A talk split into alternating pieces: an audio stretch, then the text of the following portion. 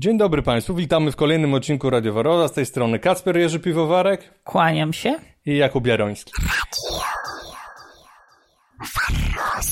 Kolejna dyskusja. Tym razem chcielibyśmy Państwa zaprosić do dyskusji na temat tak zwanego neokartezjanizmu.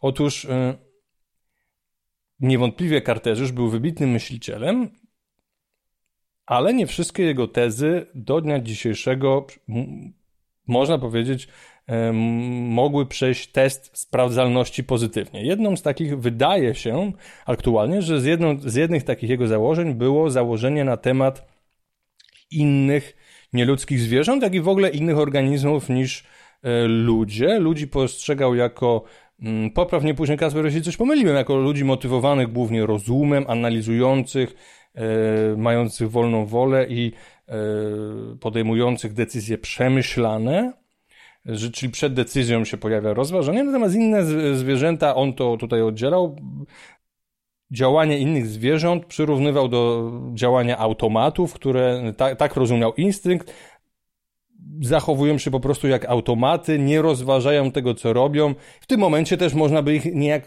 troszkę usprawiedliwiać, tak? Czyli na przykład zabijanie mm, innych organizmów nie jest tym samym oczywiście, co, no bo robią to jak automat dla, e, dla tych innych zwierząt, a dla człowieka, no już ma to zupełnie inny ciężar, prawda? Jak ta, e, dlaczego, e, dlaczego mówimy o neokartezjanizmie, czyli jakby jakimś takim nowym kartezjanizmie i jak ta idea przetrwała? Jeśli coś zresztą źle powiedziałem, to na temat wyjaśnienia tego to poprawne. Bardzo dziękuję.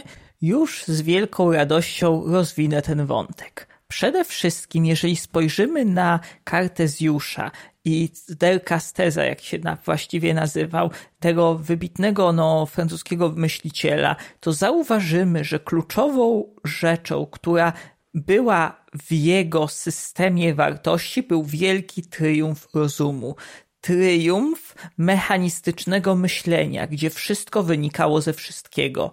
Wszystkie elementy spajały się ze wszystkim i można było zgodnie z zasadami filozofii oświecenia opisać świat w sposób mechanistyczny. I tu pojawił się podstawowy problem.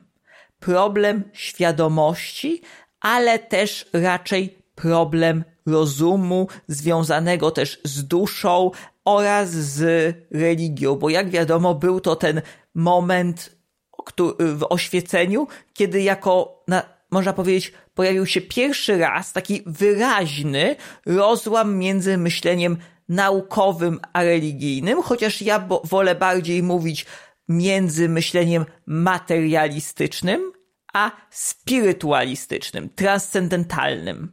Dlaczego? Ponieważ religia może być jak najbardziej ateistyczna. Dlaczego? Bo religia jest to po prostu forma ideologii polegająca na organizacji społecznej osobników wierzących w taki sam system wartości. Kurczę, wydaje się, że teraz zrównałeś dwa yy, antonimy wręcz, czyli ateizm i religia, no bo ate Owszem, można by niuansować, że ateizm no po prostu zaprzecza idei Boga, niekoniecznie jakby całego systemu wierzeń, no ale no do tej większość ludzi no jakby sobie przecież nie wyobraża, że może istnieć ateistyczna osoba ateistyczna i jednocześnie i religijna. Oczywiście, najprostszym przykładem jest podawanym przez Yuvala Harachiego humanizm.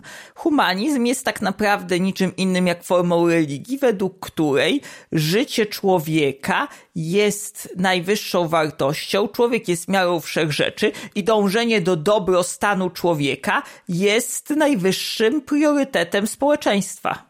O ironio, w ramach nieco moim zdaniem, chociaż może jest to kontrowersyjne, esencjalizmu gatunkowego e, ludzi. No bo przecież tam się taką granicę ustala, że, że jednak życie ludzkie, owszem, jest najwyższą wartością i jest egalitarne, czyli każdy ma mm, no to, to, to, to, to zresztą jest bliskie chrześcijaństwu, że każdy ma taką samą godność, niezależnie kim jest, jak bardzo jest chory i tak dalej, ludzką godność, natomiast no jednak jest to tylko należy do ludzi, do gatunku ludzkiego, więc jest w tym trochę esencjalizmu ludzkiego, prawda? Naturalnie. Więcej jeszcze wracając do Kartezjusza, z nim jest w ogóle duża ilość problemów. Przede wszystkim dlatego, że on próbował połączyć zrobić to, co zaczęło się rozpadać, czyli na powrót połączyć ten aspekt spirytualistyczny z mechanistycznym. I ponieważ szukał dla niego miejsca, powiedział słynne cogito ergo sum, myślę więc jestem. Postanowił znaleźć jakiś jeden aspekt, który połączy te dwie pozornie równoległe rzeczywistości, które założenia nie, nie mogą się łączyć, bo wiadomo, że wtedy, kiedy doszło do rewolucji, pojawiły się, można powiedzieć, Kiedyś ta wiara i rozum w koncepcjach tomistycznych, w koncepcjach właśnie średniowiecznych, nawet renesansowych były połączone. Natomiast w oświeceniu pierwszy raz doszło do rozłamu na to, że albo była drużyna wiary, albo była drużyna rozumu. I problem polegał na tym, że Kartezjusz z jednej strony fanatycznie czcił rozum, ale nie potrafił na początku znaleźć miejsca dla wiary. I tu też jest problem, że on stworzył taką trochę trochę wydmuszkę z koncepcją duszy, która niczym jakiś homunculus steruje człowiekiem od środka za pośrednictwem szyszynki, o czym jeszcze dodam.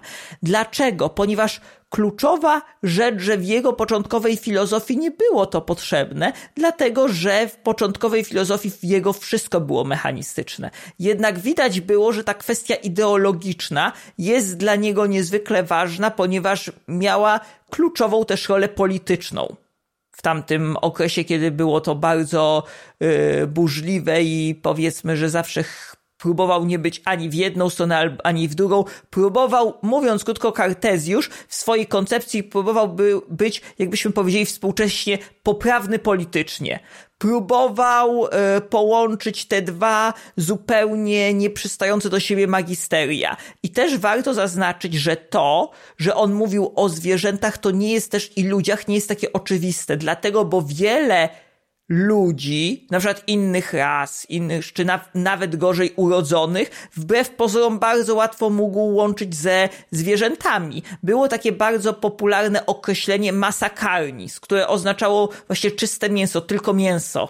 I to określenie było na przykład na ludzi upośledzonych umysłowo, na ludzi niedorozwiniętych, na ludzi ciężko upośledzonych, niesprawnych fizycznie też, którzy generalnie przez swoje ograniczenia kognitywne nie byli brani jako stuprocentowi ludzie.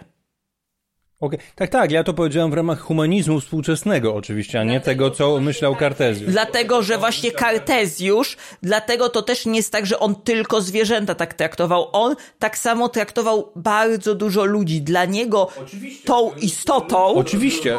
Y, ludzi rozróżniało to, że jednak y, swoje decyzje podejmowali za pomocą rozumu. I te, dlaczego ja o tym mówię? Ponieważ te, ci rozumowi ludzie to była bardzo, bardzo, bardzo wąska grupa, głównie wysoko urodzonych, angielskich i francuskich dżentelmenów. Okay, Bo to też okay. trzeba podkreślić, że na status człowieka w filozofii Kartezjusza trzeba sobie było naprawdę zasłużyć bardzo głęboką autorefleksją nad światem. Dla niego definitywna większość istot, która go otaczała, w tym na przykład, nie wiem, poddanych, mieszczan też z dosyć dużym prawdopodobieństwem uznałby ich życie za automaty. Więc no, ale to też, już spekulacja. Te, też nie, w sensie jak się czyta jego, to też widać duże zdystansowanie się i widać coś, co obecnie byśmy nazwali bardzo, bardzo silnym klasizmem. Y, u niego bardzo było widać, że ta kwestia duszy, tej świadomości to jest zarezerwowana dla bardzo wąskiego grona, no powiedzmy, że o ironio istot niezwykle po prostu y, co za przypadek podobnych do niego. No. By, byli to właśnie głównie majętni, bogaci panowie zafascynowani naturą z najwyższych właśnie jakichś y, uczonych y, jego epoki. Tak, bo mieli w ogóle czas, żeby zostać miłośnikami przyrody. Trzeba od tego zacząć, tak. bo większość ludzi była zajęta wtedy jeszcze... Walką o przetrwanie. Tak, walką o przetrwanie, o, o nakarmienie swoich dzieci. I powiem tak, wracając do Kartezjusza i do jego filozofii, on potrzebował czegoś, co umożliwi mu połączenie tej duszy, ponieważ to było bardzo trudne do pogodzenia wraz z rozwojem e, mechanicznym i była słynna historia, że jedna ze szlachcianek, z którą bardzo często korespondował, zadała mu takie ciekawe pytanie. Skoro dusza jest niematerialna, a ciało jest materialne, to jakim cudem to coś niematerialnego zmienia się w materię, jeżeli samo w sobie materią nie jest? I co jest ciekawe, do końca swoich dni nie był w stanie jej na to pytanie odpowiedzieć. Próbował różnego rodzaju teologicznymi dywagacjami, próbował to uzasadniać jakąś głęboką filozofią, jednak nigdy nie powiedział tego konkretnie. Kobietą, o której wspomniałem, była Elżbieta z Palatynatu, która była księcią klasztora w Hereford oraz księżniczką czeską.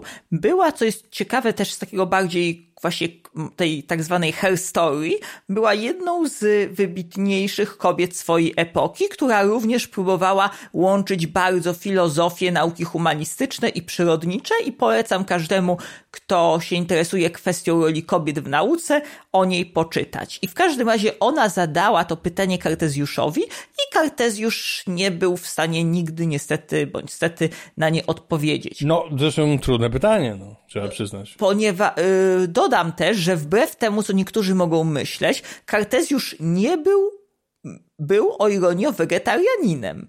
Więcej nawet. Jego dieta była przede wszystkim wegańska. Dlaczego? Bo uważał, że ludzie pierwotni, zgodnie też z tym, co czytał i o, y, z tego, co wiedział o ludziach, jak i też z dowodów biblijnych, uważał, że właściwą ludzką dietą jest dieta roślinna. Ponieważ, co jest ważne, on... Czy uzasadniał to też jakoś etycznie? Racjo, a może racjonalizował? Racjonalizował. On uważał przede wszystkim, bo to jest kluczowe, on uważał, że wykorzystywanie zwierząt jako materiału spożywczego jest marnowaniem potencjału, ponieważ on uważał, że coś tak prostego jak grzyby, czy właśnie jakieś jeżyny, trawy, zboża można jeść, natomiast organizmy traktował jako bożą technologię, natomiast zwierzęta traktował jako bożą technologię. Uważał, że zwierzęta mają tak zaawansowane mechanizmy, właśnie stworzone przez Boga, które dos- człowiek otrzymał, że zabijanie ich masowo i po prostu zjadanie, wyrzucanie jest marnotrawstwem, że to są fenomenalne konstrukcje, które powinniśmy właśnie nauczyć się nimi lepiej jeszcze sterować, nauczyć się je y, kontrolować, nauczyć się na przykład na ich podstawie anatomii, bo właśnie wiadomo, że wtedy prowadzenie badań naukowych też na ludziach szczególnie czy sekcji było zakazane i on uważał, że z tego powodu zwierzęta zostały jakby dla człowieka są darem pozwalającym mu rozwijać wiedzę przyrodniczą bez potrzeby kalania ludzkiego ciała. Czyli z tego, co mówisz, wynika, że mimo wszystko była tam jakaś hierarchia. Nie było tylko to binarne człowiek e, nie ludzie, tylko zwierzęta miały, życie zwierząt miały w takim razie wyższą wartość niż życie roślin na przykład. Absolutnie. W sensie rośliny były tylko i wyłącznie źródłem energii, z kolei zwierzęta były boską technologią, były swojego rodzaju, byśmy teraz powiedzieli, zaawansowanymi sztucznymi inteligencjami w zaawansowanych droidowych ciałach, które miały być dla człowieka użyteczną zarówno technologią, jak i źródłem wiedzy. A czy, e, ponieważ nasz podcast jest dosyć mocno owadzi, czy postrzegał owady też jak zwierzęta? E, też, też jak zwierzęta.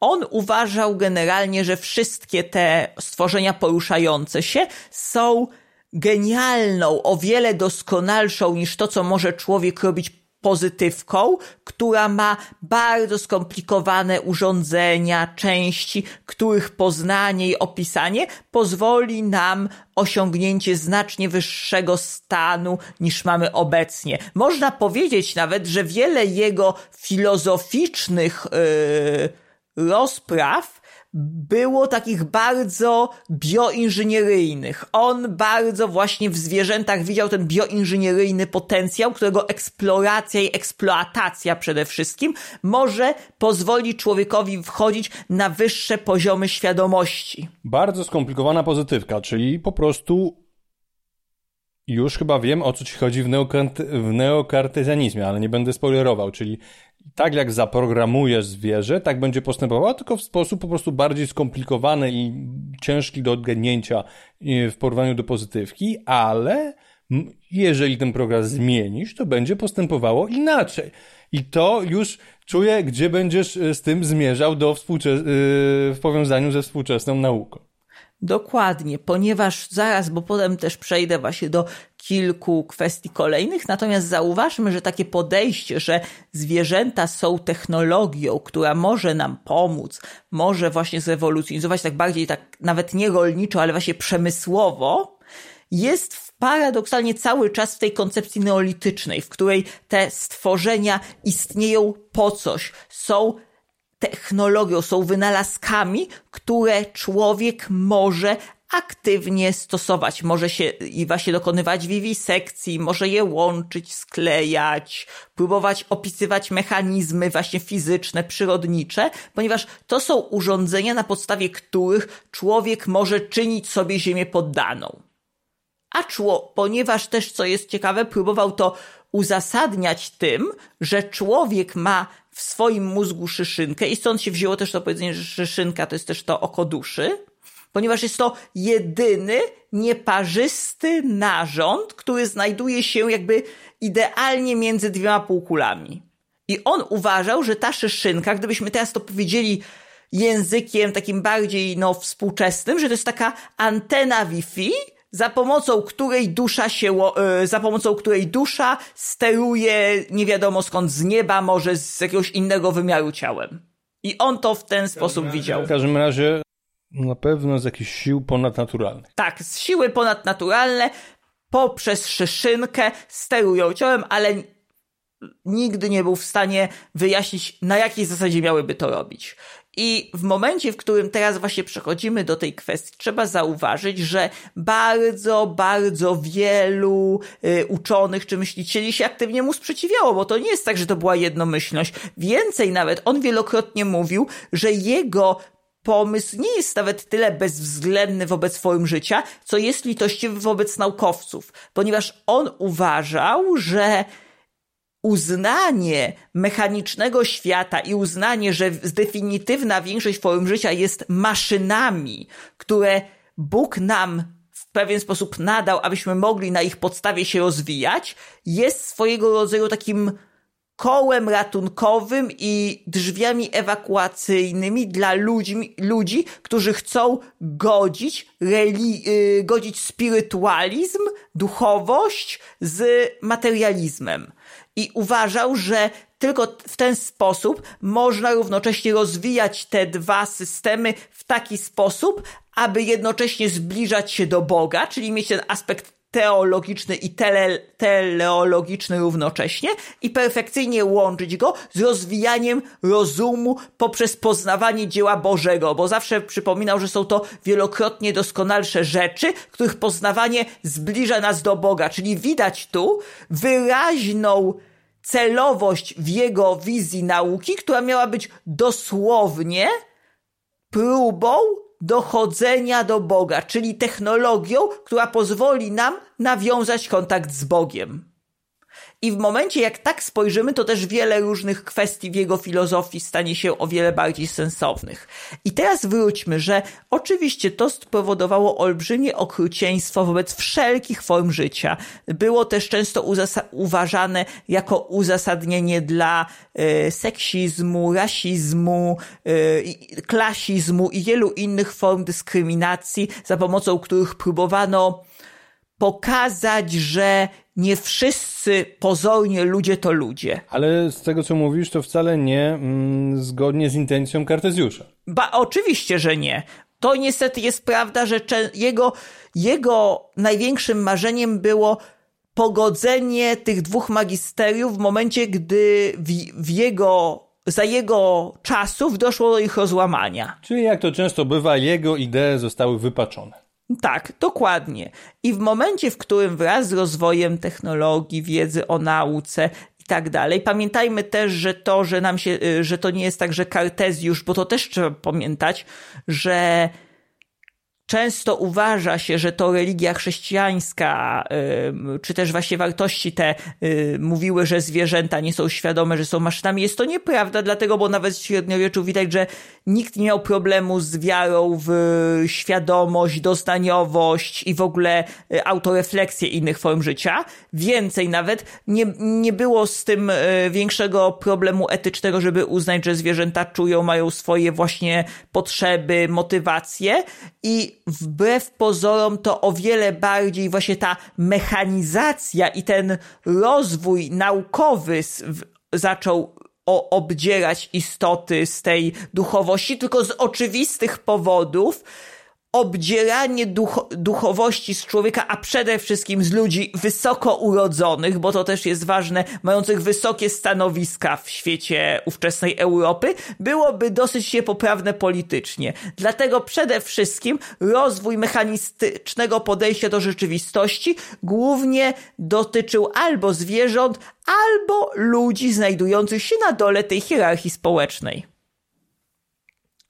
żebraków, prostytutek, bandytów i tak. No dobrze, to przejdźmy teraz do tego głównego wątku. Po prostu wyjaśnię, dlaczego neokartezjanizm, czyli jak rozumiem, jest to no, pewne odrodzenie się tej idei, można powiedzieć, lub e, nowa argumentacja, która jest jakoś z tym kompatybilna. Tak. No i na koniec spróbujmy też odpowiedzieć na to pytanie, czy, czy rzeczywiście tak jest, czy inne zwierzęta, czy w ogóle inne organizmy rzeczywiście są takimi automat, automatami. Dlaczego ja właśnie o tym, bo gdy teraz przyjrzymy się historii, zauważymy dwa pozornie sprzeczne podejścia, czyli z jednej strony podejście behawiora, behawiorystyczne, a z drugiej strony podejście takie skrajnie genocentryczne, oparte na wizji samolubnego genu. I pozornie tylko wydaje się, że oba te y, podejścia są swoimi przeciwieństwami, ale wbrew pozorom są stronami tego samego medalu. I zaraz wyjaśnię dlaczego. Genocentryzm, czyli właśnie to, co utrwaliło się po raz kolejny przez wypaczenie idei Dawkinsa, czyli samolubny gen, który też był bardzo silnie rozbudowywany w socjobiologii przez chociażby niedawno zmarłego Wilsona czy Hamiltona. E, o ironio, chociaż na innych e, polach akurat Wilson się często nie zgadzał e, z Dawkinsem. Jeśli... O, o, oczywiście, natomiast w tym wypadku chodziło o stwierdzenie, że formy życia są przede wszystkim inkubatorami dla genów, że w żywych komórkach znajduje się materiał genetyczny, co jest ciekawe. Koncepcja ta jest przecież bardzo stara, dlatego, bo przecież y, badania, y, które miały już udowadniać, że jest jakaś soma i jest, są jakieś geny, były prowadzone już przez Weissmana. No i Darwin to próbował, y, myląc się, opisywać gemule w, w dziele o powstawaniu gatunku. Czyli ta idea, że musi być jakiś program, jest bardzo stara. Bardzo. Ona sięga Greków. Oczywiście, przecież. przecież nawet więcej. Ja bym powiedział, że sięga Egipcjan, bo już u Egipcjan było podzielenie na K i Ba, czyli na tą duszę duszę i ciało. I wbrew pozorom, po raz kolejny tu też widzimy ten kartezjanizm, że dlaczego ja to tak y, w genocentryzmie jest widoczne, ponieważ po prostu rolę eterycznej duszy, czyli rolę tej bliżej nieokreślonej nadnaturalnej siły zajęły zmagazynowane w komórkach bliżej nieokreślone substancje, bo na początku przecież nie wiadomo było, jak one dokładnie działają, które miały w jakiś sposób odgórnie zarządzać całym systemem działania życia. Miały powodować, że organizmy w danym momencie reagowały tak, a nie inaczej. Można to trochę sobie wyobrazić, że gdy odkryto właśnie geny, wyobrażano je sobie trochę tak jak programy programy komputera. Wiadomo, że kiedyś programy komputerowe nie były tak jak teraz prost jakimiś złożonymi systemami przypominającymi yy, lecące yy, liczby z Matrixa, tylko były yy, ciągami długich papierów, które były dziurkowane w odpowiedni sposób i przepływ tych kartek z dziurkami był y, interpretowany jako program. Ale zresztą w rzece genów Dawkins to wprost opisuje, że świat DNA jest, cyfro, jest odpowiednikiem cyfrowego świata komputerów, cyf że życie jest cyfrowe, używa takiej alegorii, a, a niedawno widziałem z nim rozmowę na YouTubie, to właśnie wyciągnął kartkę starego programu, jeszcze jak nie było monitorów, 8-bitowego komputera, po prostu z dziurkami. Dziurkami, tak. I mówił, że to jest wprost podobne do yy, nici DNA. I właśnie o to chodzi, że to dosłownie miała być taka ściśnięta właśnie... Czy nawet jest? Czekaj, nie, mówimy o neokartezjanicznej, czyli nadal jest. Dokładnie, ściśnięta, bardzo oczywiście zagęszczony sposób taśma zawierająca program, po kolei co organizm ma robić, jak ma reagować, co ma myśleć, co ma czuć, jak ma uciekać? I w tej wizji te taśmy się cały czas mnożą, mnożą i mnożą. Oczywiście z tak zwanymi błędami, co już jest troszeczkę też, e, że no, pewnego rodzaju esencjalizm, czyli jest jakiś bardziej pożądane e, je odzorowanie z pewnymi błędami, które są po prostu cechami fizycznymi, bo nie da się tak skomplikowanych układów odzorować dokładnie, które i te błędy pozwalają na dobór naturalny. Tak, w sensie pojawiają się po prostu, no, pod wpływem błędów pojawiają się nowe wersje starych algorytmów i pewne algorytmy radzą sobie lepiej w środowisku, inne algorytmy radzą sobie gorzej i te algorytmy, które zyskują przetrwanie, pozostają. I bardzo ważne jest w tym, że w momencie, w którym warto zauważyć, że ta koncepcja której mamy tylko i wyłącznie e,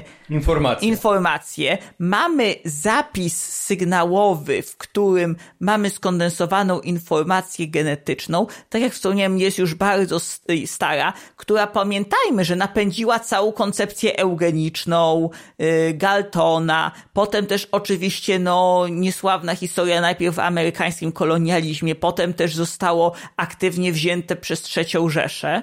Dlaczego? Ponieważ proszę zauważyć, że wtedy jeszcze w dalej nikt nie miał pojęcia o DNA. Więcej, to całkiem niedawno przecież y, koncepcję genów opisał y, y, wtedy, względem tamtych czasów oczywiście, od, były tak zwane właśnie zasady Mendla. Mendel odkrył podstawy genetyki i właśnie on też przecież badając go nie wiedział dokładnie jak one działają. Po prostu zauważył, że cechy przechodzą z potomstwa na potomstwo. Jednak nie był w stanie opisać czym te programy były. I właśnie to jest piękne, że warto zauważyć, że powstały całe mity o tych programach, a jeszcze długo nie wiedziano jak one za bardzo działają. I w momencie, kiedy opisano DNA, potem kod genetyczny, bo pamiętajmy, że organizmy nie mają swoich kodów genetycznych. Kod genetyczny jest to sposób przenoszenia informacji z DNA na białka. Ko dlatego to, co my mamy, to są specyficzne sekwencje dla konkretnych organizmów, a nie kod, bo kod jest poza niewielkimi zmianami w przypadku chroloplastów, mitochondriów i niektórych archeonów względnie uniwersalny. Tak jest. I zresztą to, się, to uniwersalność wymienia się jako poświadczenie e, tego, niektórzy tak naukowcy argumentują, e, że życie wywodzi, miałoby się wywodzić właśnie z jednego przodka luka. To, ta uniwersalność kodu genetycznego. Tak, że to działa wszystko w oparciu o te same systemy, o te same sygnały. I gdy teraz po, popatrzymy na tę historię rozrastającego się opartego na genocentryzmie systemu, to proszę zauważyć, że takiej wersji nie jest w ogóle potrzebna niematerialna wyższa świadomość. Mamy, nie, niepotrzebna jest ba świadomość, nie jest potrzebna żadna doznaniowość. Te stworzenia oparte na matrycy genetycznej, które są w zasadzie, jak to Dawkins opisał, inkubatorami dla genów, one mogą oczywiście być świadome czy doznaniowe, ale nie muszą. W ogóle ten aspekt doznaniowości jest swojego rodzaju artefaktem. On może się pojawić, on może się nie pojawić. Ta, ta, ten aspekt doznaniowy jest czymś, co bym nazwał biernym obserwatorem. On biernym słuchaczem, tym biernym odbiorcą, którym ten układ może być. Ten, te formy życia w tej wizji nie potrzebują umweltu. Więcej nawet, Umwelt może w ogóle nie istnieć w takiej wersji rzeczywistości. Dlaczego? Ponieważ mamy do czynienia tylko i wyłącznie z pozytywkami takimi kartezjańskimi, które mają w, w sobie wbudowaną sieć algorytmów odgórnych, powiedzmy wzajemnie się przenoszących, z które po prostu Wraz z błędami pojawiają się nowe wariacje informacji, które wiadomo, jedne łatwiej sobie radzą, inne ulegają zupełnemu zniszczeniu, ale proszę zauważyć, że w tym systemie nie jest potrzebna żadna re realna, jakiś żaden realny interfejs, żaden autointerfejs do komunikacji z rzeczywistością. Dlaczego? Bo mamy po prostu materiał genetyczny, który steruje procesami biochemicznymi poprzez katalizatory i inhibitory, system się rozrasta i po prostu w momencie, kiedy konkretne receptory są drażnione, zostaje, jeżeli pojawia się A, to wyślij B. Jeżeli pojawia się B, to wyślij C. I w momencie, w którym mamy system zwiniętej, yy, no, yy, zwiniętego twardego dysku, który znajduje się w komórce, niepotrzebny jest żaden bardziej skomplikowany system doznań, dlatego że ten algorytm, który nakaz, nakazuje oczywiście metaforycznie replikować się temu materiałowi genetycznemu, robi wszystko sam. Mamy po prostu niekończący się PCR. I to dosłownie, tak jak mamy słynną reakcję PCR, która niedawno była zresztą użyta do chociażby badania COVID-u, bo samo to badanie, tak naprawdę słynne, y, ten cały projekt, który polegał na odkryciu tego, pierwotnie wcale nie miał żadnego zastosowania technologicznego. Tu chodziło o to, aby pokazać, że metodą in vitro można przeprowadzić jeden z, tak naprawdę wtedy zakładano kluczowy proces biologiczny, czyli proces replikacji DNA że umieszczając w odpowiednich warunkach tak naprawdę materiał genetyczny, y, enzym to produkujący oraz substancje budulcowe, proces ten może zachodzić y, w probówce praktycznie w nieskończoność. I tak naprawdę zgodnie z tą narracją samolubnego genu, całe życie, łącznie z nami, to jest po prostu re PCR, czyli właśnie reakcja łańcuchowa polimerazy, która zamknięta w bańkach mydlanych rozrosła się na powierzchnię całej planety. No tak, można powiedzieć, że dlatego w tych bańkach, narzędziach zwanych organizmami, dlatego, że no, y, jest niestabilna, y, gdyby tych nie jest niestabilna dla zewnętrznego środowiska ziemskiego. Dokładnie, natomiast rdzeniem według tej wizji jest tylko i wyłącznie replikacja y, DNA oraz wraz z nią właśnie e, reakcja PCR, która jest po prostu pozamykana, tak jak właśnie wspomniałem, w otoczkach, które następnie są odgórnie sterowane. Dlaczego? Bo centralnym dogmatem było to, że w środowisko w zasadzie nie ma jakby znaczenia, w sensie ma znaczenie dla doboru. Dla doboru, ale sam organizm w żaden sposób tak naprawdę nie zmienia się za bardzo pod wpływem środowiska. Raczej ma po reaguje prostu, reaguje, ale nie ma żadnej plastyczności, nie ma tam żadnej głębi. Mamy stały program, bo też dlaczego podkreślam stały, bo Tutaj jest kluczowe to, że po prostu pojawiają się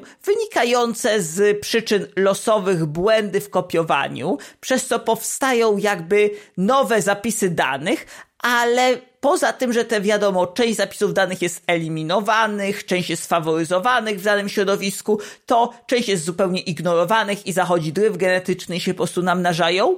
Nie ma tutaj potrzeby istnienia żadnego systemu integrującego tak naprawdę. Sam ten program wystarczy. I teraz warto spojrzeć na drugą stronę tego medalu, o czym wcześniej wspomniałem, która pojawiła się jakby po drugiej stronie zarówno mm, tej barykady właśnie naukowej, ale też politycznej. Dlaczego? Bo właśnie to warto zauważyć, że ja zawsze staram się unikać polityki, natomiast widać wyraźnie w polityce szczególnie XX wieku, że pojawił się wyraźny podział między dwoma filozofiami życia, czyli z jednej strony gloryfikacją odgórnych cech wrodzonych, a z drugiej strony gloryfikacją również odgórnych, ale cech nabytych. Dlaczego? Ponieważ trzeba pamiętać, że wraz z ruchem z jednej strony genocentrycznym silnie rozwinął się ruch behawiorystyczny, który zakładał, że w umyśle czy też w ciele jakiejś formy życia to, co się w niej dzieje, to jest czarna skrzynka. My na to nie mamy kontroli, my nie wiemy, co tam się dzieje. My możemy jedyne, co robić, to jest wzmacniać konkretne reakcje. I nie bez kozery zauważyłem, że działo się to trochę jakby po drugiej stronie, bo wiadomo, że zaczęło się od warunkowania Pawłowa, które potem było rozbudowane o warunkowanie instrumentalne. Potem, jak wiadomo, zaczęła się żelazna kurtyna. Niestety rozpoczęła się y, słynna historia, a raczej niesłynna z pseudonaukowcem Łysenką, który powiedzmy, że swoje nabroił i bardzo poważnie wpłynął na rozwój nauki w Rosji i wielu wybitnych uczonych, no na nieszczęście dla Związku Radzieckiego, a na szczęście dla bloku zachodniego kapitalistycznego musiało uciec na zachód, żeby rozwijać technologię.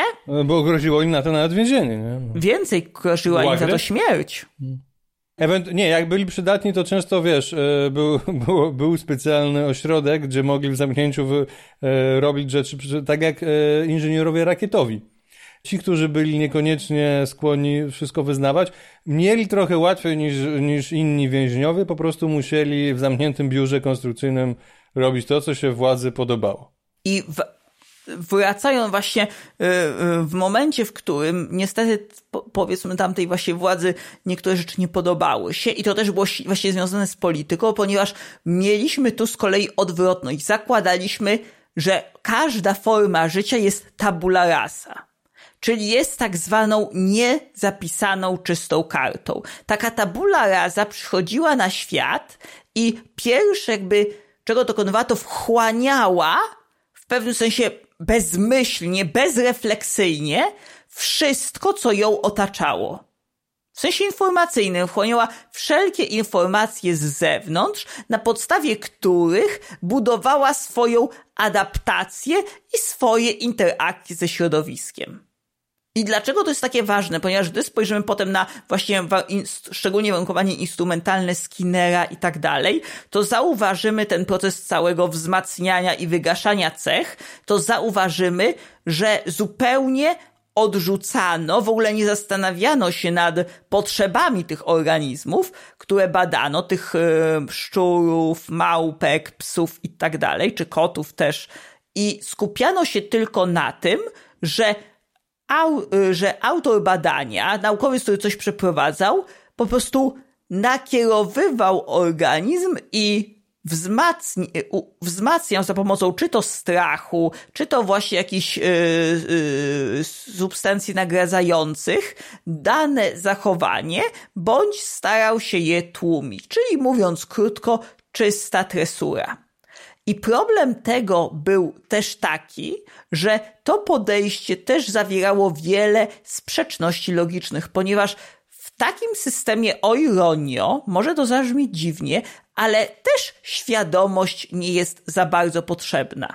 Dlaczego? Bo taka istota będąca tabula rasa, która po prostu jest tak naprawdę zupełnie bierna. Dlaczego jest zupełnie bierna? Ponieważ w zasadzie jest tylko i wyłącznie zwierciadłem świata, jest tylko odbiciem bodźców, które na nią reagują. Jest niczym taka glina, z której można ulepić wszystko. I takie istoty nie posiadają w zasadzie żadnych systemów, które paradoksalnie utrzymują je z, o ironię w całości. W sensie, tak jak zostaną wychowane, takie informacje, jakie zostaną im wpojone, takie po prostu będą.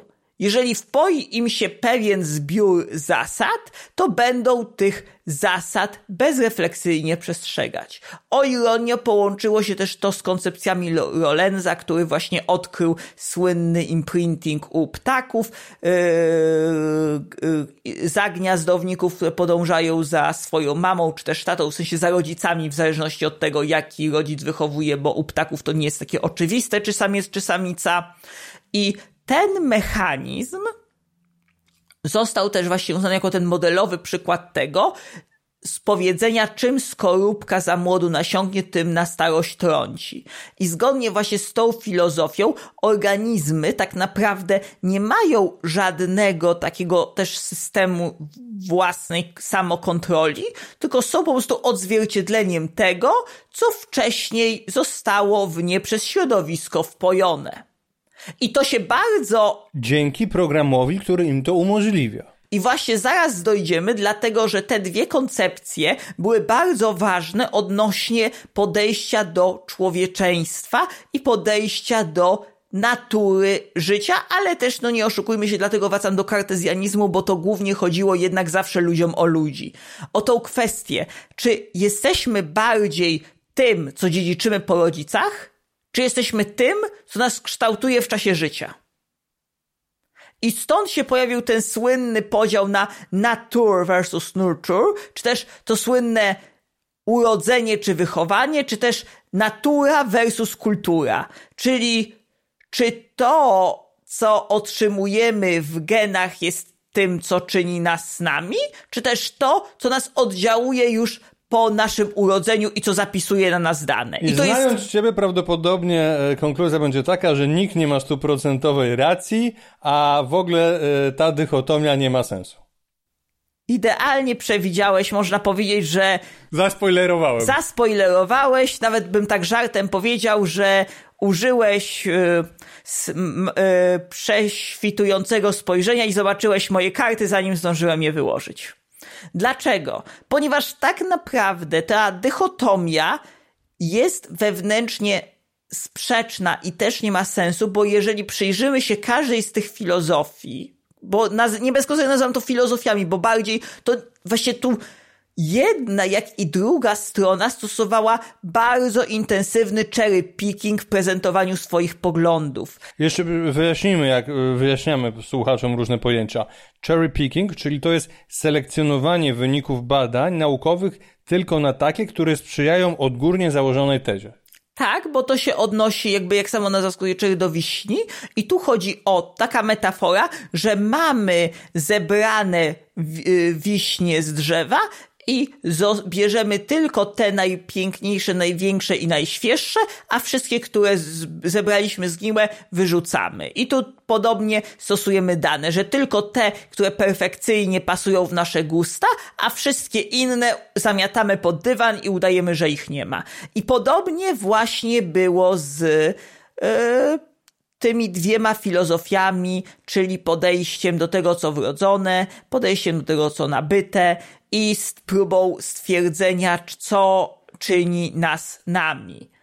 Ponieważ obie, tak jak zauważyłem, miały tą wspólną wadę, że w ogóle nie skupiały się na życiu o ironio.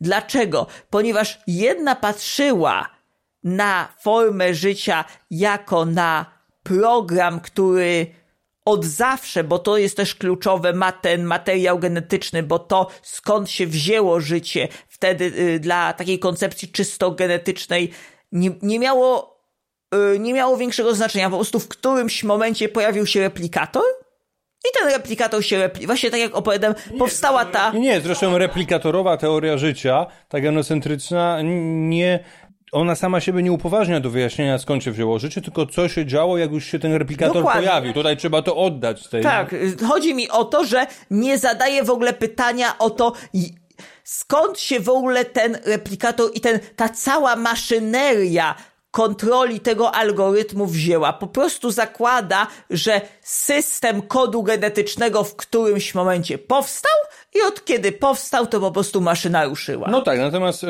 w paradygmacie naukowym najczęściej zakłada się, że to że działo się na zasadzie abiogenezy. Dokładnie. I wracając dalej, jeżeli chodzi o z kolei metodę takiego yy, właśnie podejścia, że to jest wszystko yy, nabyte i tak dalej, to w takiej z kolei wizji zakładano, że tak naprawdę organizmy cały czas się przebudowują, są takie super plastyczne i tak naprawdę zależą w całkowicie od środowiska, że też nie ma w nich żadnej stałości. I teraz, jeżeli no, popatrzymy... No oczywiście w pewnych granicach, no bo jednak wiadomo, że organizm ludzki, organizm pszczeli, no jednak no, człowiek nie urodzi się szczółkami Oczywiście, z sześcioma odnóżami, czyli jednak no, musieli jakiś program mimo wszystko zakładać. I nawet. chodzi mi raczej o to, że przez to pojawiły się takie dwie absurdalne skrajności. W skrajnych sytuacjach człowiek urodzi się z trzecim odnóżem, no ale okej. Okay. Jaki, znaczy rozumiem, że zwolennicy nawet tej teorii no nie zakładali, że nie ma absolutnie żadnego programu, tak? Natomiast zakładali, że on odgrywa marginalną rolę względem zachowania. zachowania. Tak, I właśnie... bo to są właśnie filozofie związane bardziej z twoją działką, czyli... Behawiorem. Mm, tak, czyli, ale jeszcze szczerze, szczerze chcę powiedzieć, czyli... Mm, no, mylę zawsze teraz mm, te... Etologią. Tak, z etologią. Dlatego właśnie o tym wspomniałem, ponieważ obie te filozofie tak w gruncie rzeczy sprawiają, że sama w sobie świadomość nie jest potrzebna, bo z jednej strony albo mamy wizję tego genocentryzmu, w którym organizmy są twarde niczym diament albo grafen, po prostu są twarde i nic nie można z nimi zrobić, albo wprost przeciwnie, są tak miękkie, że wystarczy je dotknąć i się rozpadają, jeżeli mamy tą kwestię nabytą. A łatwo zauważyć, że organizmy ani nie są jakieś specjalnie twarde, ale też nie są jakoś specjalnie plastyczne. Jeżeli tak empirycznie popatrzymy, to zauważymy, że tak naprawdę te cechy względnie się no, przeplatają mniej bądź bardziej. I właśnie tutaj jest ta to, o czym ja mówiłem, patrząc na te dwie rzeczy, rzeczy ten neokartezjanizm, czyli ta próba spojrzenia na formy życia w taki możliwie redukcjonistyczny sposób, bez zupełnie jakby poprzez odrzucenie potrzeby istnienia jakiegoś wewnętrznego obserwatora, słuchacza, generalnie odbiorcy, czyli mówiąc krótko, opisu istot, które w zasadzie tej motywacji same w sobie nie mają, bo są albo programem, z którym się urodziły, albo są programem, które je im wpoiło środowisko. I tutaj właśnie moim zdaniem pojawia się kluczowa kwestia, o której ja tak często mówię, czyli jakby próba wyjścia z tego neokartezjanizmu, czyli właśnie kwestia stresu. Dlaczego? Bo jeżeli podejdziemy tak czysto albo replikacyjnie, albo tak właśnie behawiorystycznie, to zauważymy, że w obu tych kwestiach mm, tak naprawdę jest ten stres, ale ten stres albo jest spowodowany tym, co organizmy już wcześniej w sobie uwarunkowały, albo tym, co mają wpojone w genach. A jeżeli popatrzymy na to od innej strony, to jest jeszcze trzecie rozwiązanie, czyli spojrzenie na to, że i jedni, i drudzy opisywali to samo, tylko od innych stron. Trochę jak jest ta słynna hinduska opowieść o ślepych mędrcach, którzy obserwując słonia, jeden myślał, że obserwuje węża, inny myślał, że obserwuje parawan, a jeszcze inny, że dotyka yy, drewnianej, yy, dotyka pnia drzewa, jak dotykał nogi słonia. I właśnie... A tylko... Yy uzgodnienie stanowisk wszystkich osób da prawdziwy obraz. Tak, ponieważ zwykle jest to o ironio wypadkowa tych umweltów i to, czego brakowało o ironio, to jest zwrócenie roli na motywację w obrębie umweltu. A mianowicie, że wszystkie Dobrze, te... ale być może ktoś nie słuchał naszego poprzedniego odcinka, jak mógłbyś w kilku zdaniach wyjaśnić, czym jest umwelt? Umwelt jest to w takim największym uproszczeniu system odbioru i percepcji bodźców, który wytwarza swojego rodzaju autointerfejs dla organizmu. Jest to jego subiektywny system doznań rzeczywistości, która go otacza. Ten system sprawia, że organizm doznaje rzeczywistości, ma tą poczucie bycia odbiorcą rzeczywistości, z którą wchodzi w interakcję. I teraz pojawia się kwestia dla mnie właśnie najistotniejsza, czyli kwestia eustresu i dystresu. Ponieważ proszę zauważyć, że w systemie, w którym mamy geny same, genocentryzm, nie jest tak naprawdę potrzebny eustres i dystres. Mamy wiele różnych genów, które po prostu replikują się i reagują jakoś na środowisko. Natomiast jeżeli dołożymy tutaj stres i eustres, to sytuacja robi się bardzo ciekawa. Dlaczego? Dlatego, że wtedy te konkretne geny odpowiadają za powstawanie szlaków biochemicznych, które manipulują systemem motywacji tego organizmu. I w ten sposób organizm ten nie tyle dziedziczy jakby same algorytmy, co raczej te algorytmy, działając razem, wytwarzają pewnego rodzaju spektrum umweltów, w którym ma swój eustres i dystres, za pomocą którego orientuje się w środowisku. Czyli nie mamy zewnętrznych, jakby niezależnych plików, tylko te wszystkie pliki mają swojego rodzaju fuzję w postaci NI, czyli analogia, tak jak mamy AI, czyli Artificial Intelligence, sztuczna inteligencja, tak tu mamy NI, Natural Intelligence, czyli naturalna inteligencja. A ja mógłbym to zredukować do strategii przeżyciowej. Po prostu ta informacja w połączeniu e, z pewnym schematem umweltów i e, tak, umweltów, czyli dystresu i eustresu, jak mówisz, czyli produkuje motywację do działania w określonych kierunkach, no i to y, można by przyrównać do strategii przeżyczowej, bo jednak dobór naturalny, selekcja naturalna działa tutaj, że jedne y, w przetrwaniu z pokolenia na poko w ciągu pokoleniowym pewne te strategie nadają się do przetrwania, inne nie. Dokładnie. Szczególnie jeżeli jeszcze się przyjrzymy, y, jeżeli mówimy o strategiach, właśnie to teraz pójdziemy w drugą stronę, czyli cech nabytych, które o ironio są idealnie komplementarne z genetyczną wizją świata. Dlaczego?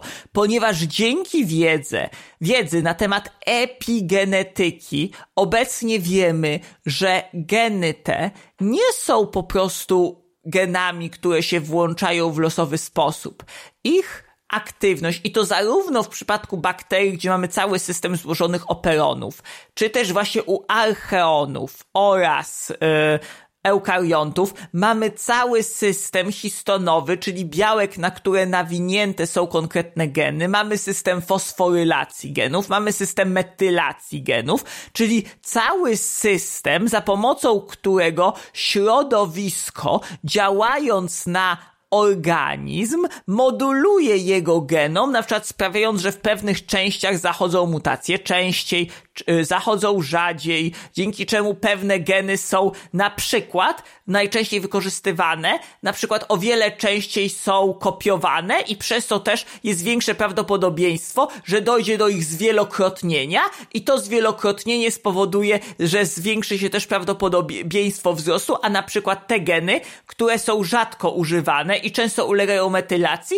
duże prawdopodobieństwo, że przekształcą się w pseudogeny, ponieważ ich przebudowa, yy, na ich przebudowę idzie najmniejszy budżet energetyczny. Właśnie, mechanizm metylacji jest chyba najbardziej znanym, yy, tak mi się wydaje, przynajmniej w takiej popularnej prasie, mechanizmem epigenetycznym. Yy, dokładnie, jest I to, to... Ten mechanizm, dobrze kojarzę, yy, ten mechanizm powoduje, że mimo, że pewien pewna sekwencja, która można nazwać genem, istnieje E, w nitce, czy to DNA, czy RNA, to dzięki metylacji nie, nie jest aktywna. Czyli e, no nie jest aktywna, czyli nawet jeśli się zreplikuje, no to nie będzie działała na cały organizm. Dokładnie, nawet więcej. System ten sprawia, że jest ona jako niewidzialna dla enzymów, które miałyby ją hipotetycznie odtworzyć. I tutaj jeszcze trzeba Ale w dodać, całej replikacji jest odtwarzana. Do... E, jest, jeżeli pojawi się sygnał, który zainicjuje demetylację. Okej, okay, ale co jest, właśnie, ale co jest istotne, że konkretnym stylem życia, powiedzmy stylem życia, no może trochę co że czynnikami środowiskowymi można sprawić, że, w, że przekazać niejako do, do następnego pokolenia informacje o tym, jak mocno zmetylować dany fragment, tak? Dokładnie.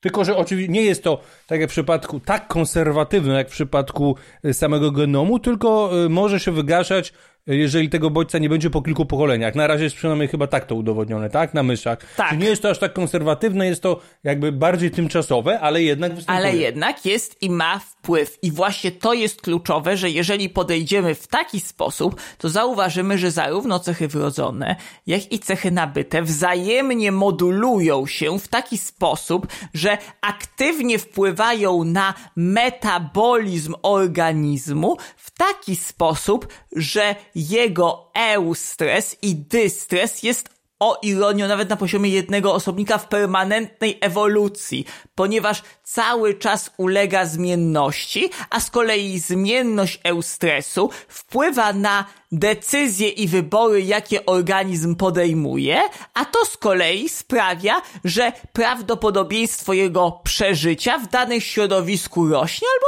maleje. Rozumiem. I to według Twojej argumentacji no, miało być y, wystarczającą argumentacją, żeby jakby obalić ten mit neokrateziański, że no, wszystkie inne organizmy, a zwłaszcza no powiedzmy to, że organizmy z udowodnioną świadomością jak delfiny czy naczelne inne, e, czy w ogóle ssaki, ale powiedzmy no, z taką mm, bardziej zaawansowaną, społeczną e, świadomością, e, no to już nie jest kontrowersja, ale to, że e, generalnie no nawet prostsze, tak zwane prostsze formy życia mm, no nie są tutaj tylko automatami, które są które działają na zasadzie zaprogramowanego wcześniej w poprzednich pokoleniach przez dobór naturalny instynktowi, e, no to jest wystarczający, wystarczający argument, żeby obalić to twierdzenie, tak? I zauważyć, że organizmy mają swoje umwelty, za pomocą których wchodzą w interakcję z otoczeniem i w ten sposób patrzymy na to, co robią i jak się zachowują z perspektywy tego,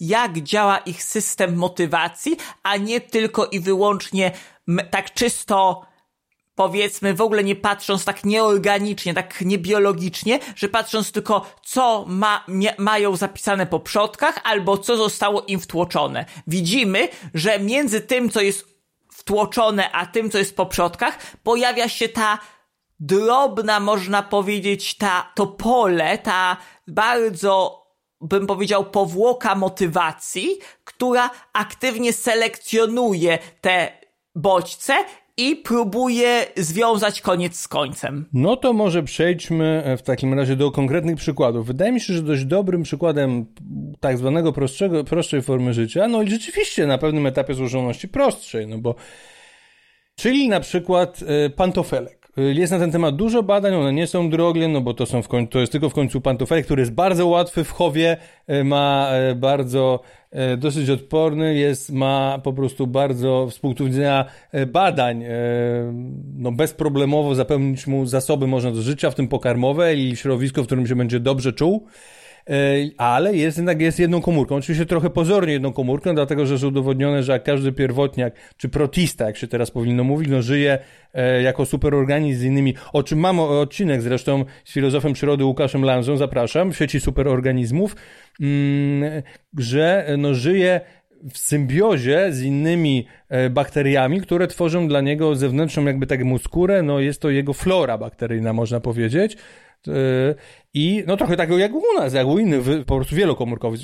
Więc kiedyś był używany za zwierzę, więc jeszcze powiedzmy na początku XX wieku można spotkać badania, e, gdzie jest uznawany bez problemu za zwierzę, no ale jednokomórkowe, ale wydaje mi się, że aktualnie panuje mm, no mm, Tutaj króluje wręcz podejście mechanistyczne. I może parę przykładów. No jest na przykład, można wykonywać behawioralne na nim eksperymenty, czyli że pantofelek uczy się, e, że na, jak e, wpłynie do tej probówki i tam był zasób pokarmowy, ale okazało się, że jest prąd, że jest prąd, który no, nieprzyjemnie go poraził, czyli zadziała w kierunku dystresu radykalnego, no, za którymś razem się nauczy i mimo, że tam będzie zasób spożywczy, nie będzie wpływał do tej probówki, bo będzie wiedział, że w tej probówce jest nieprzyjemne środowisko, jest sytuacja, która powoduje stres. On wtedy właśnie zaczyna się, jak pływa sobie tak w dosyć sposób, no można, no właśnie, czy można powiedzieć, że przyjemny w ogóle, wykonuje uporządkowane ruchy i po tym porażeniu wpada, e, przez moment e, wykonuje chaotyczne ruchy we wszystkich kierunkach, a w końcu ucieka stamtąd. Właśnie, już samo słowo ucieka, a jeszcze pamiętam, że no, rozmawiając z mechanicystą, jeśli powiesz w tym momencie, że czy neokarte, e, człowiekiem o podejściu neokartezjańskim, jeżeli w tym momencie powie się, że pantofelek spanikował i uciekł, to dla niego to nie będą w ogóle właściwe e, określenia, bo to są określenia, które, mm, którym są... Insynuują doznaniowość. Emocje. Doznaniowość, właśnie. No właśnie. I. I wiele jest takich e, eksperymentów z pierwotniakami. To jest dosyć dobry przykład. Po pierwsze, dlatego, że e, fajnie korespondują tutaj e, z ideami ludzkimi i z hierarchią, powiedzmy, organizmów różnych filozoficznych, bo kiedyś były uznane za zwierzęta. Są eukariontami, są tanie w badaniach, dużo znanych badań na ich temat i jednak są prostszymi formami o tyle życia, że są pozornie jednokomórkowe, przynajmniej jako jedna komórka e, danego organizmu, ale nie tylko przecież, bo są organizmy, które budują po prostu kolonie, już są na pograniczu wielokomórkowości.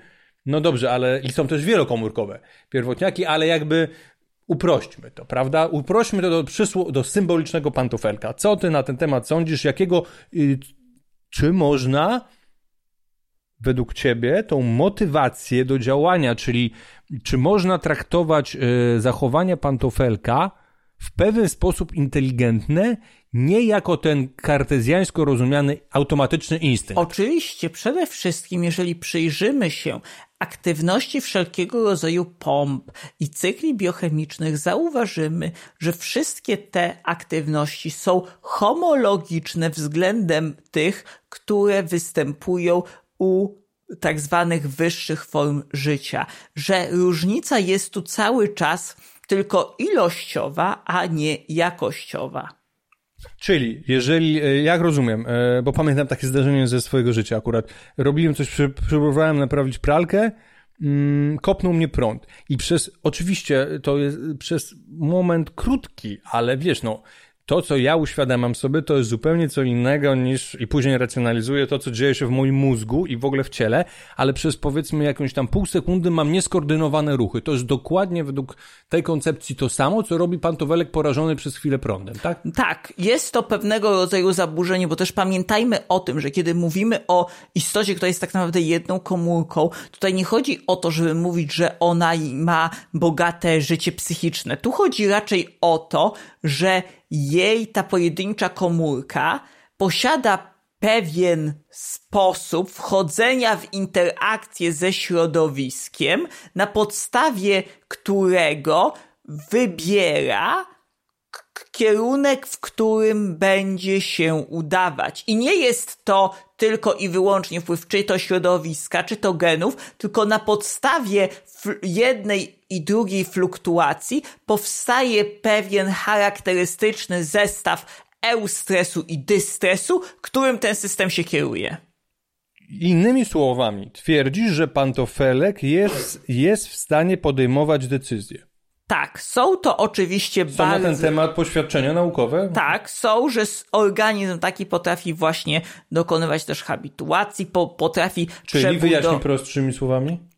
Czyli y, im częściej występuje jakiś czynnik w środowisku, jest w stanie przestać na niego reagować i przyzwyczaić się do jego obecności, czyli im dłużej dany czynnik występuje, tym niższą reakcję stresową wywołuje. No dobrze, ale czysty behawiorysta by tutaj, wiesz, też argumentował, że no dobrze, taki fondofelek ma po prostu zaprogramowaną zdolność do nauki, e, na zasadzie po prostu na zasadzie zaprogramowanej reakcji po prostu idzie instynktownie później w kierunku bodźca lub unika tego bodźca.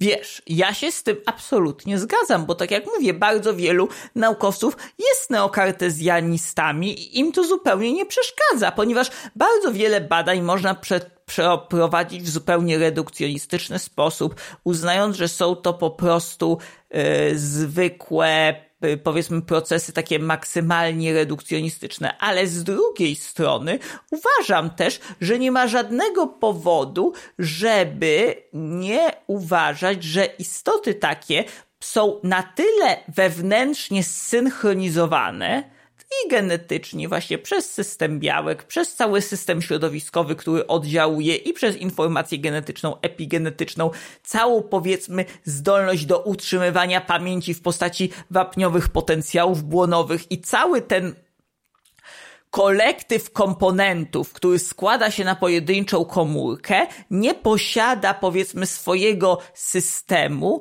orientowania się w środowisku, za pomocą którego podejmuje uwspólnioną decyzję. Można powiedzieć, że systemy w jego komórce, czy w przypadku bardziej złożonych organizmów w ich ciele, na podstawie napływających bodźców tworzą wiele różnych reakcji stresowych, eustresowych, dystresowych i ostatecznie zostaje na ich podstawie, czy to na drodze konsensusu, właśnie powiedzmy, czy bardziej demokratycznej głosowania, czy uśrednienia, ustalony pewien algorytm, który zostaje z tych wszystkich wybrany w danej chwili, którym dany organizm postępuje. Czyli dokładnie tak samo, jak podejmowanie kolektywnej decyzji przez superorganizm, na przykład rodziny pszczelej. Dokładnie. Tom Stilik, z którym dyskutowaliśmy trochę polemicznie odnośnie jego, powiedzmy, idei ewolucyjnych e, e, związanych z pszczelarstwem darwinistycznym w poprzednich odcinkach, do których zapraszamy. Natomiast właśnie, on w sensie naukowym, e, w sensie badań, to jest specjalistą właśnie między innymi od, od takich behawioralnych zachowań e, rodziny pszczelej i badał po sposób, coś co wcześniej, zainspirowany zresztą mm, no, badaniami choćby nad tańcem pszczół, e, tylko że badał grupowe podejmowanie decyzji roju, który już uciekł z gniazda, gdzie mm, znajdź, jak podejmuje decyzję o bo, bo przecież w pewnym momencie ten rój się podrywa i leci w określonym kierunku, zabierając ze sobą matkę pszczelą, y, w jakim kierunku, do jak, z góry wie, do jakiego leci e, wie, no. Z góry e, leci w określonym kierunku do gniazda, które zostało, jak się okazało wcześniej, wybrane przez odpowiednią kastę do tego wcześniej przygotowywanych pszczół, prawda?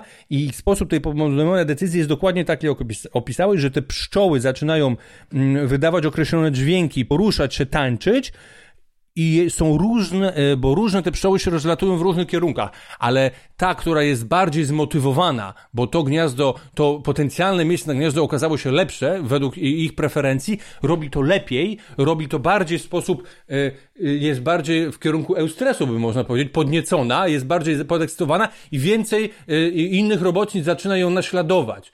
I on dlatego, jego książka, która to opisywała, popularna, nazywała się Honeybee Demokracji, dlatego, że trochę jak w parlamencie, inni zaczynają naśladować te pszczoły i ta, i ta, mm, ten taniec, który jest przez tą pszczołę zapoczątkowany w kierunku tego, no można powiedzieć, najlepszego gniazda, który wyzwolił najlepszą ekscytację, powoduje, że najwięcej gromadzi pszczół, które do, zaczynają naśladować, aż w końcu tak, a w końcu wygaszają tamte e, konkurencyjne e, pszczoły tańczące za, inną, za innym gniazdem, aż w końcu no wszystkie, e, w końcu się to uspokaja i w pewnym momencie te odpowiednie inne też z kolei pszczoły wydają sygnał do wzlotu tego roju i te oczywiście, które tam były, prowadzą ten rój. No, niesamowite, bardziej skomplikowane, bo mamy do czynienia z superorganizmem złożony z kilkudziesięciu tysięcy osobników, o złożonych systemach Właśnie, nerwowych. Ale jakościowo takie samo. Oczywiście. Właśnie tu jest problem, że kiedy obserwujemy różnego rodzaju procesy decyzyjne zachodzące w biologii, zachodzące na wielu różnych poziomach, to zauważamy, że te procesy są zsynchronizowane i że właśnie nie jest to raczej tak, że mamy po prostu sieć replikujących się danych, które na drodze chybił trafił, włączają konkretne reakcje, ani też, że na drodze chybił trafił po prostu to, co ze środowiska wpłynęło, y, jest y, odtwarzane bezmyślnie, nagrywane i odtwarzane. Widzimy tutaj pewnego rodzaju zależność, która sprowadza się do wybierania pewnego eustresu i dystresu, który następnie kieruje systemem. I właśnie dlatego ten to, o czym tak, tak często działają mówię... nasze neurony przecież. Dokładnie. No, na zasadzie trochę y, inteligencji roju. Oczywiście, przecież tak naprawdę nie oszukujmy się. Na swój sposób można pół żartem, pół serio powiedzieć, że nasze neurony i tkanka glejowa to jest nic innego jak olbrzymi biofilm ameb, które pracują w sposób synchronizowany. Rozumiem. Czyli twoją, znaczy konkluzją tego jest między innymi to, że zarówno świadomość, inteligencję, co do podejmowanych decyzji przez organizm lub wiele organizmów, oraz y, to, że ma motywację do działania, można rozpatrywać ilościowo, a nie jakościowo. No dobrze, ale moje pytanie jest w takim razie, czy może nie ma tutaj w ogóle granic, ale jeżeli są to gdzie, mniej więcej by się sytuował, kiedy możemy nazwać jakieś zachowanie organizmu, od kiedy?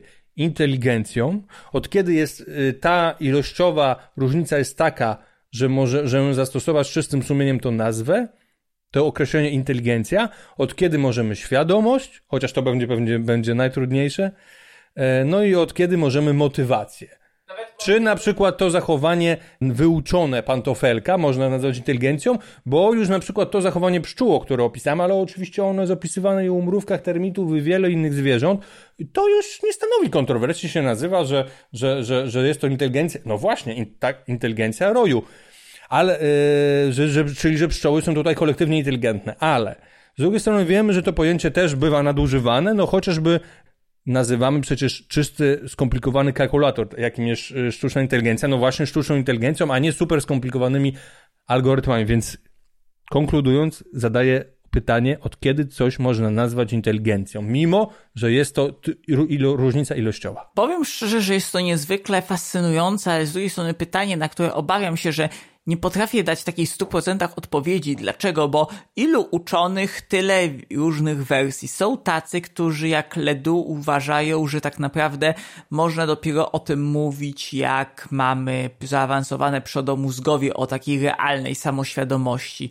Są tacy, którzy na przykład uważają, jak Bernard Korzeniewski, że dopiero można mówić o jakiejś świadomości wtedy, kiedy komórki mają tworzą sieć zapętloną, czyli że są w stanie reagować na same siebie i w ten sposób analizować. Są też tacy, którzy podchodzą y, do tego tak jak Max Tegmark, którzy po prostu uważają, że tak naprawdę różnica między życiem 1.0 a życiem 2.0, czyli właśnie człowiekiem a każdą inną formą życia, no powiedzmy względnie, sprowadza się do tego, że po prostu świadomość pojawia się wtedy, jeżeli organizmy są w stanie tworzyć bardzo złożone systemy odruchów e, na, e, w, w, od, znacznie bardziej złożone systemy odruchów i przekazywać e, memy zamiast samych tylko genów.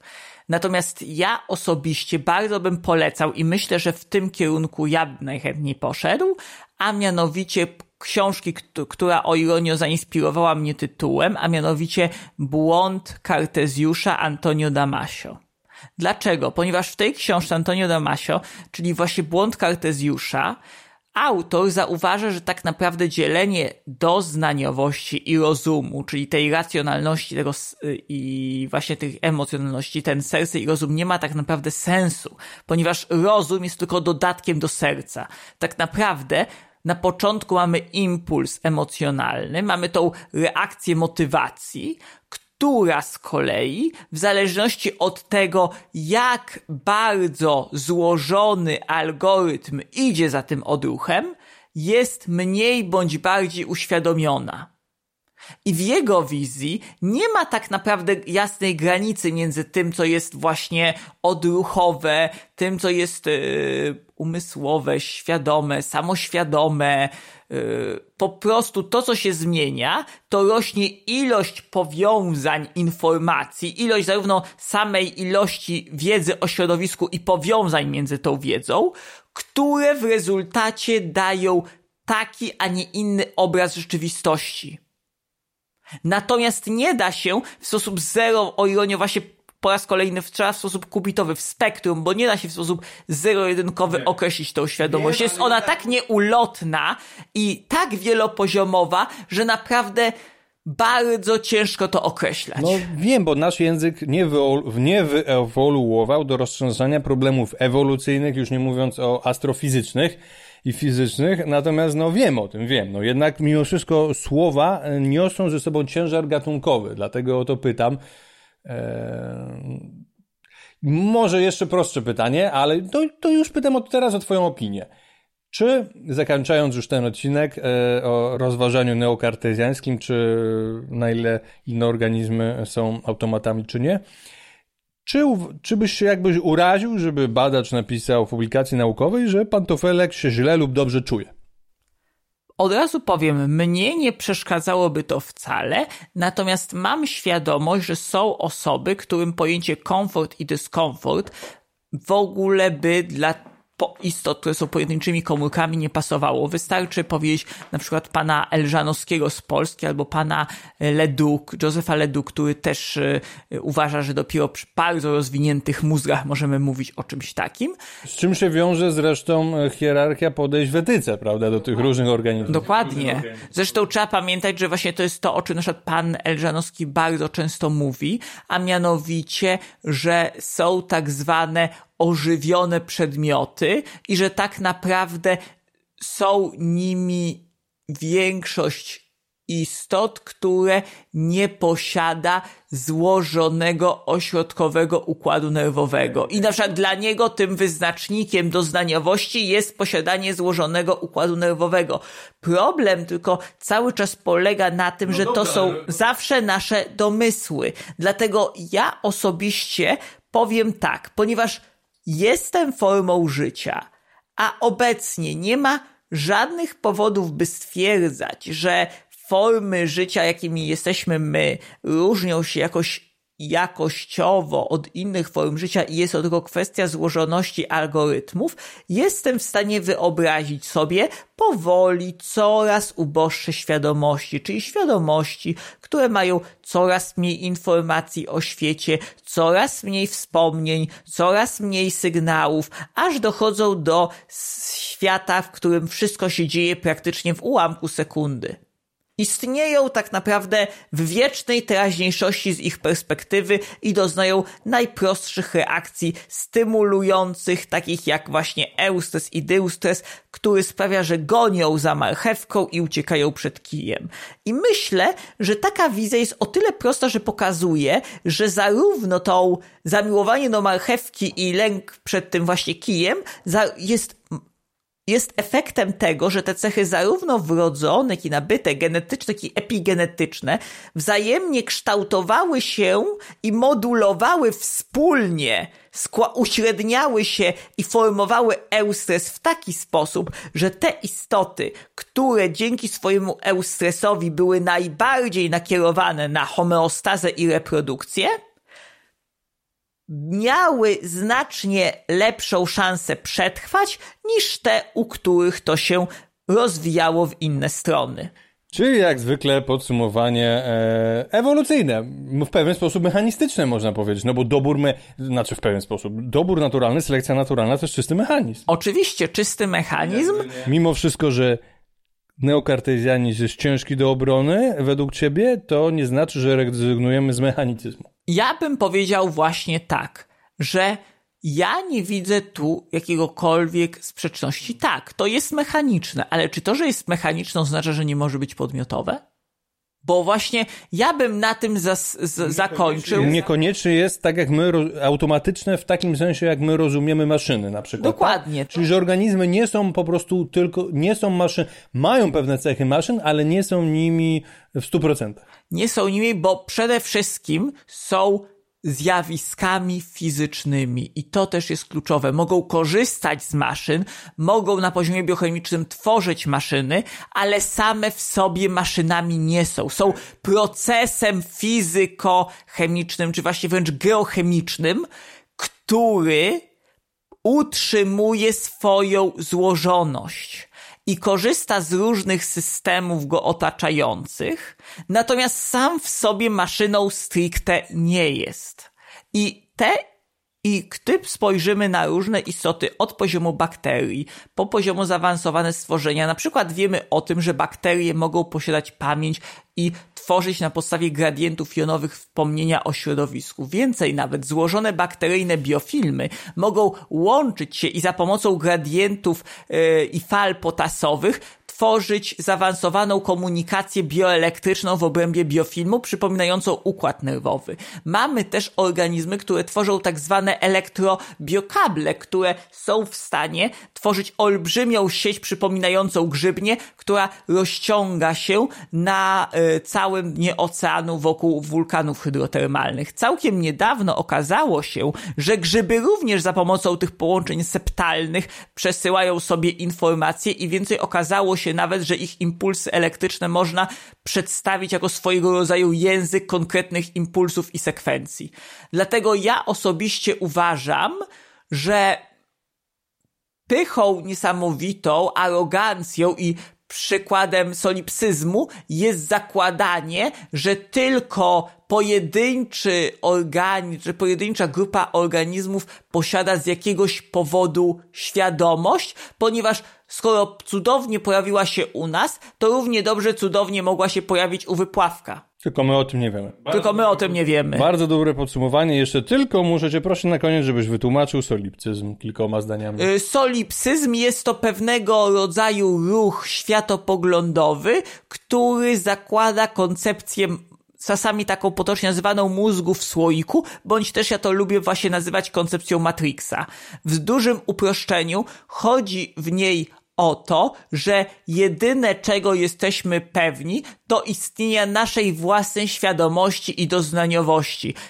Stuprocentowy y, solipcysta nie wierzy tak naprawdę w nic, poza swoją świadomością, uznając, że wszystko, co doznaje, może być prawdziwe, ale równie dobrze może być tylko iluzją. Czyli mówiąc krótko, solipsysta zakłada, że być może tak naprawdę nic poza jego umweltem nie istnieje, a wszystkie rzeczy poza jego umweltem są tylko i wyłącznie pewnego rodzaju symulacją, którą widzi jako umwelt. Czyli że taka wszystko... od, od, skrajna odwrotność e, radykalnego sceptycyzmu. Tak, solipsyzm to jest, jakby bym powiedział, skrajna wiara w obiektywność, w wła, e, wrażeń obiektywność zmysłowych. własnych wrażeń zmysłowych, w których tak naprawdę nie istnieje nic poza tym, co doznaję, co odczuwam, co przeżywam. Równie dobrze e, wszystkie byty mnie otaczające, moja rodzina, przyjaciele, zwierzęta i tak dalej, może być tylko wytworem mojej wyobraźni, a ja mogę siedzieć, oso- właśnie często jest to porównywane w Po jakichś... E, narkotykach tak, po i... jakichś bardzo dobrych narkotykach, w tym sensie dobrych, że tak halucynogennych, że nie odróżniasz tripu od realu. Dokładnie, że na tym polega istota solipsyzmu. Okej, dziękuję Ci Kasper za rozmowę. Do następnej rozmowy. Do następnej. Mówił Jakub Jaroński, I kaser piwowarek.